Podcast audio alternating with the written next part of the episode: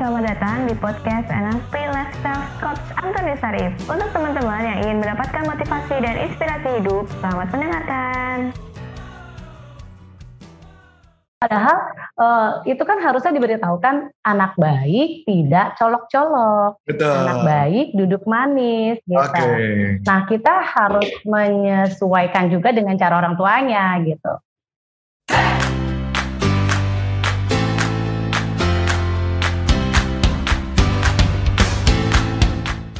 Ya berarti Baru nanti kalau artinya sudah- ada sebab akibat. Oh, Itu yang pertama yang dipakai adalah Ah. sebab akibat patternnya. Ya jadi cause effect. Dan yang kedua jadi anak baik kalau anak baik itu tidak melakukan apa atau anak baik akan duduk tenang kan gitu ya. Nah kalau kalimat yang tadi yang pakai kalimat Ah. kalau, nah saya jadi ingat gitu ya. Bahkan saya ke dokter gigi waktu ke, ke Bu Leni selalu gitu ya. Nanti kalau uh, ada yang kurang nyaman gitu ya, kalau ada yang kurang nyaman kasih tahu ya. Nah itu itu juga menarik tuh kalau. Nah kalimat kalau itu kan artinya sama. Ini saya juga pakai uh, Bu Leni.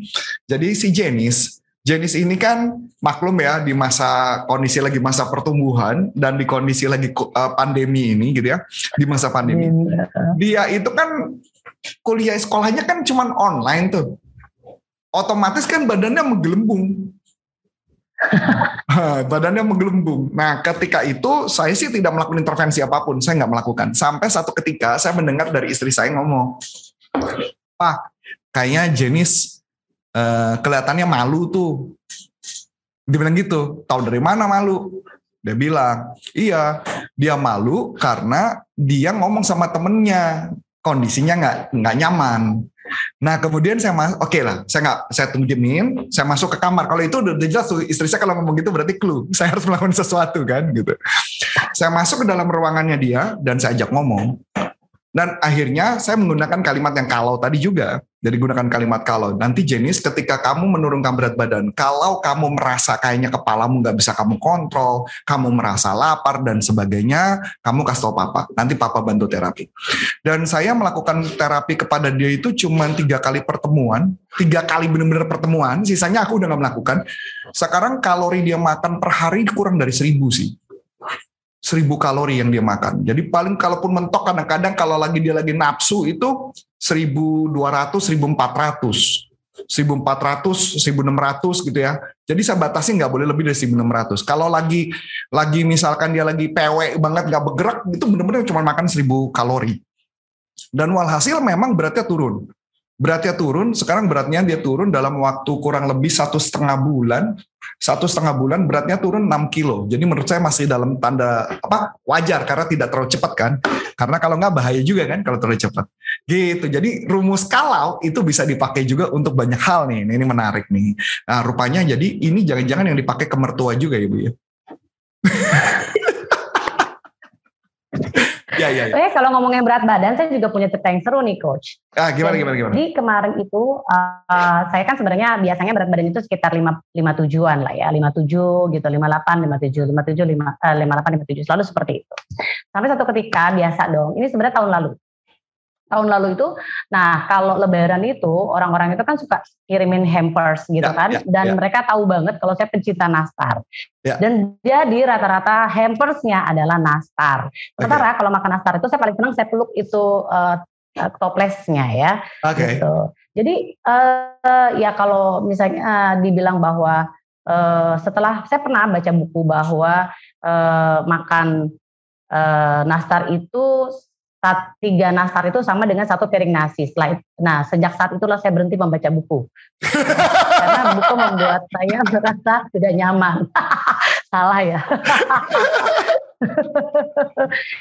ya lanjut, lanjut, lanjut. Terus? Terus jadinya uh, uh, waktu itu naik ke 58. Nah ke 58 tuh saya sih nggak aware biasa aja. 58 itu cuma naik satu kilo. Turunin satu kilo tuh gampang sekali buat saya. Tanpa saya pernah mau yang namanya diet. Jadi saya kayak punya uh, apa namanya keyakinan bahwa uh, menahan makan itu membuat saya sedih gitu. Saya udah pernah nahan makan zaman kuliah. Karena kan saya harus mengatur pengeluaran gitu ya. Sampai mau beli mau beli kue pancong waktu itu sampai duitnya nggak ada. Karena Ya. bener-bener kalau udah awal minggu itu pasti habis buat bayarin pasien kan. Jadi bayarin pasien makan, bayarin Ya, pasien ya, ongkos gitu. Jadi saya menahan makan tuh udah nggak mau sekarang. Akhirnya tanpa saya sadari ketika saya nih uh, nimbang lagi gitu ya, itu berat saya 60. Dan ketika 60, benar-benar saya nggak pernah turun dan selama setahun itu berjalan ya memang tanpa dia tanpa olahraga gitu kan. Dan olahraga juga tidak pernah membuat kurus gitu. Karena olahraga itu ya pokoknya kalau ada yang mengatakan bahwa olahraga membuat kurus itu jelas salah. Karena yang pasti adalah olahraga membuat lapar. Habis itu saya akan mencari lontong sayur, ketoprak dan teman-temannya. Ya kan, minimal mie ayam. Jadi setelah 60 itu saya baru kaget, kok satu kilo saja saya tidak bisa, bisa turunin, kalau tiga kilo saya turunnya gimana tanpa olahraga dan uh, diet. Tapi saya tetap menolak untuk mau melakukan diet dan olahraga ceritanya. Akhirnya saya pikir gini, ah udahlah cuma 3 kilo. Semua bermula dari pikiran. Jadi cuma 3 kilo itu kecil gitu. Pasti saya bisa turun lagi lah 57. 3 kilo, 3 kilo. Jadi mungkin itu yang akan terngiang-ngiang di otak saya berkali-kali 3 kilo. 3 di pikiran mau sadar ya? Iya, dan tanpa kita sadari kan. Lalu tiba-tiba ketika saya nimbang lagi, saya baru tahu karena baru beli timbangan di klinik yang baru gitu ya. Timbangannya buat saya lucu, jadi saya timbang. Ternyata timbangan saya adalah 63 kilo. Naik. Ini naik 3 kilo. Loh kok bukan 63 kilo gitu. saya pikir ada yang salah nih. Nah, kalau ketemu para coaches kan juga gitu kan, kita ketemu ada yang salah nih, udah tahu gitu kan. saya mulai sih ngerasa bahwa baju saya itu mulai nggak muat, tapi saya tetap deny bahwa saya berat badannya uh, apa namanya naik. Karena kan sebenarnya kalau di keseharian sepanjang sejak pandemi coach itu biaya uh, pembelian baju itu sangat menurun drastis. Karena sehari-hari saya cuma pakai baju oka nggak perlu pakai baju cakep. Orang sehari-hari saya pakai APD lengkap iya ya betul kan? betul betul betul.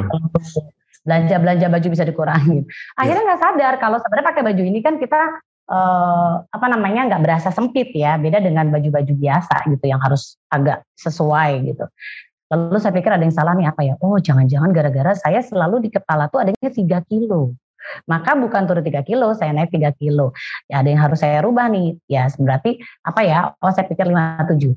Ketika saya berpikir 57, secara bawah sadar juga sebenarnya otak kita kan cerdas banget. Kayak gitu. Saya baru sadar ada perbedaannya memang.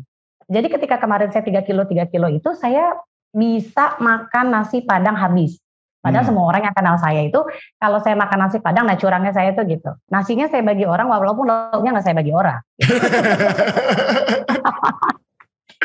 Pokoknya selalu kayak gitu. Makan apa tuh yang yang karbo itu kayak saya agak berat gitu ya. Jadi kalau roti saya lebih kuat.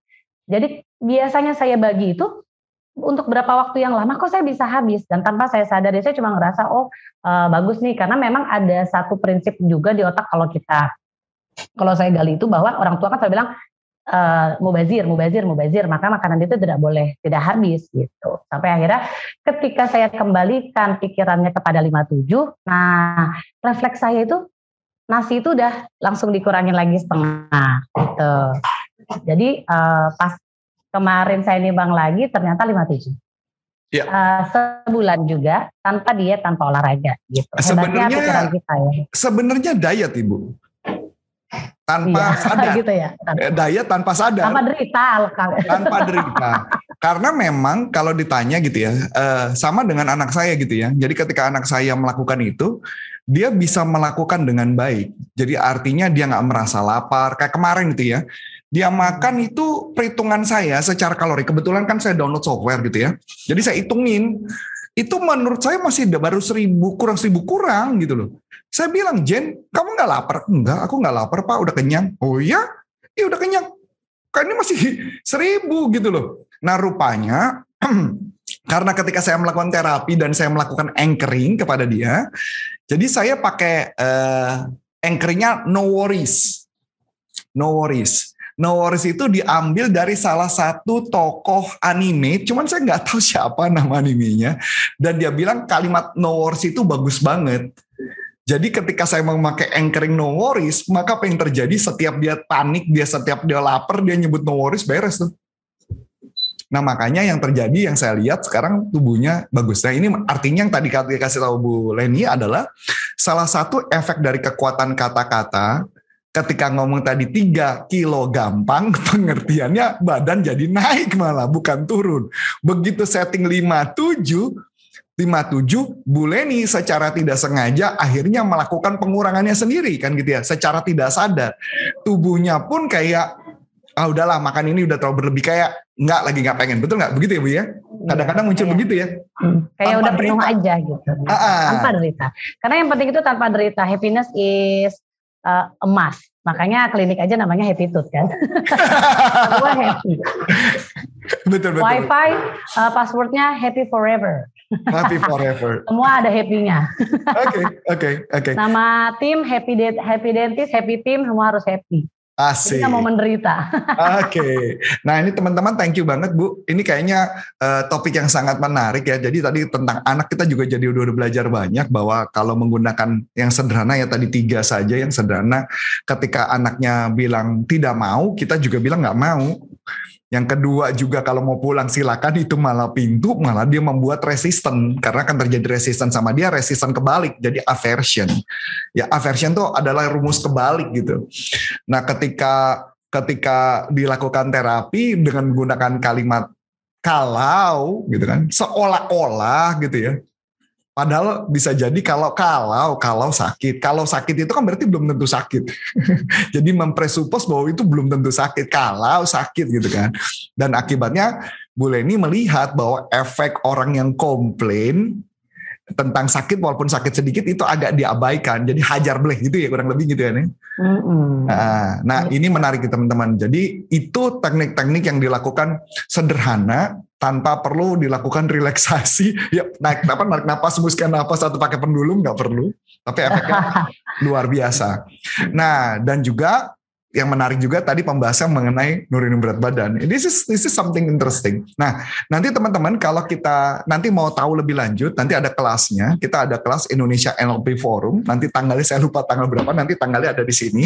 Nanti Bu Leni akan mengajar adalah apa ya? Kekuatan apa? Kuasa kata-kata ya, kuasa kata-kata atau hypnotic language pattern, kuasa kata-kata yang bisa mempengaruhi dan berdasarkan pengalaman yang dilakukan oleh Bu Leni. Nanti Bu Leni bisa cerita banyak. Bu Leni orangnya asik banget.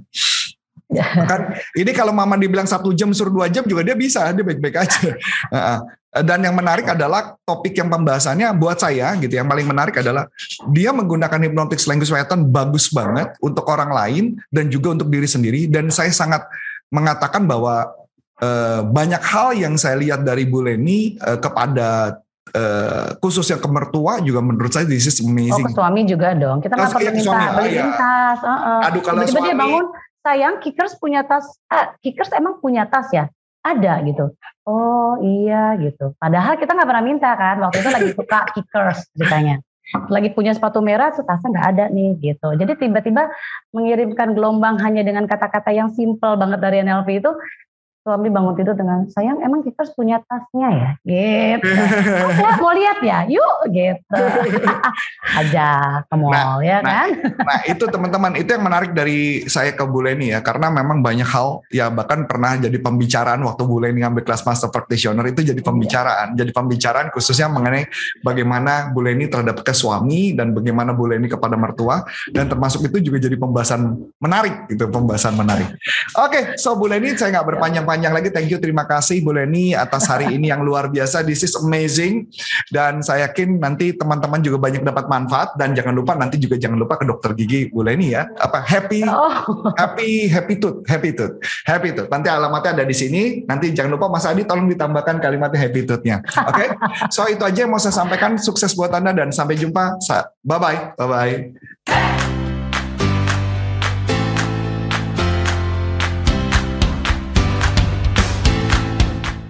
Nah, untuk teman-teman yang sudah menerangkan, terima kasih ya dan nantikan podcast selanjutnya.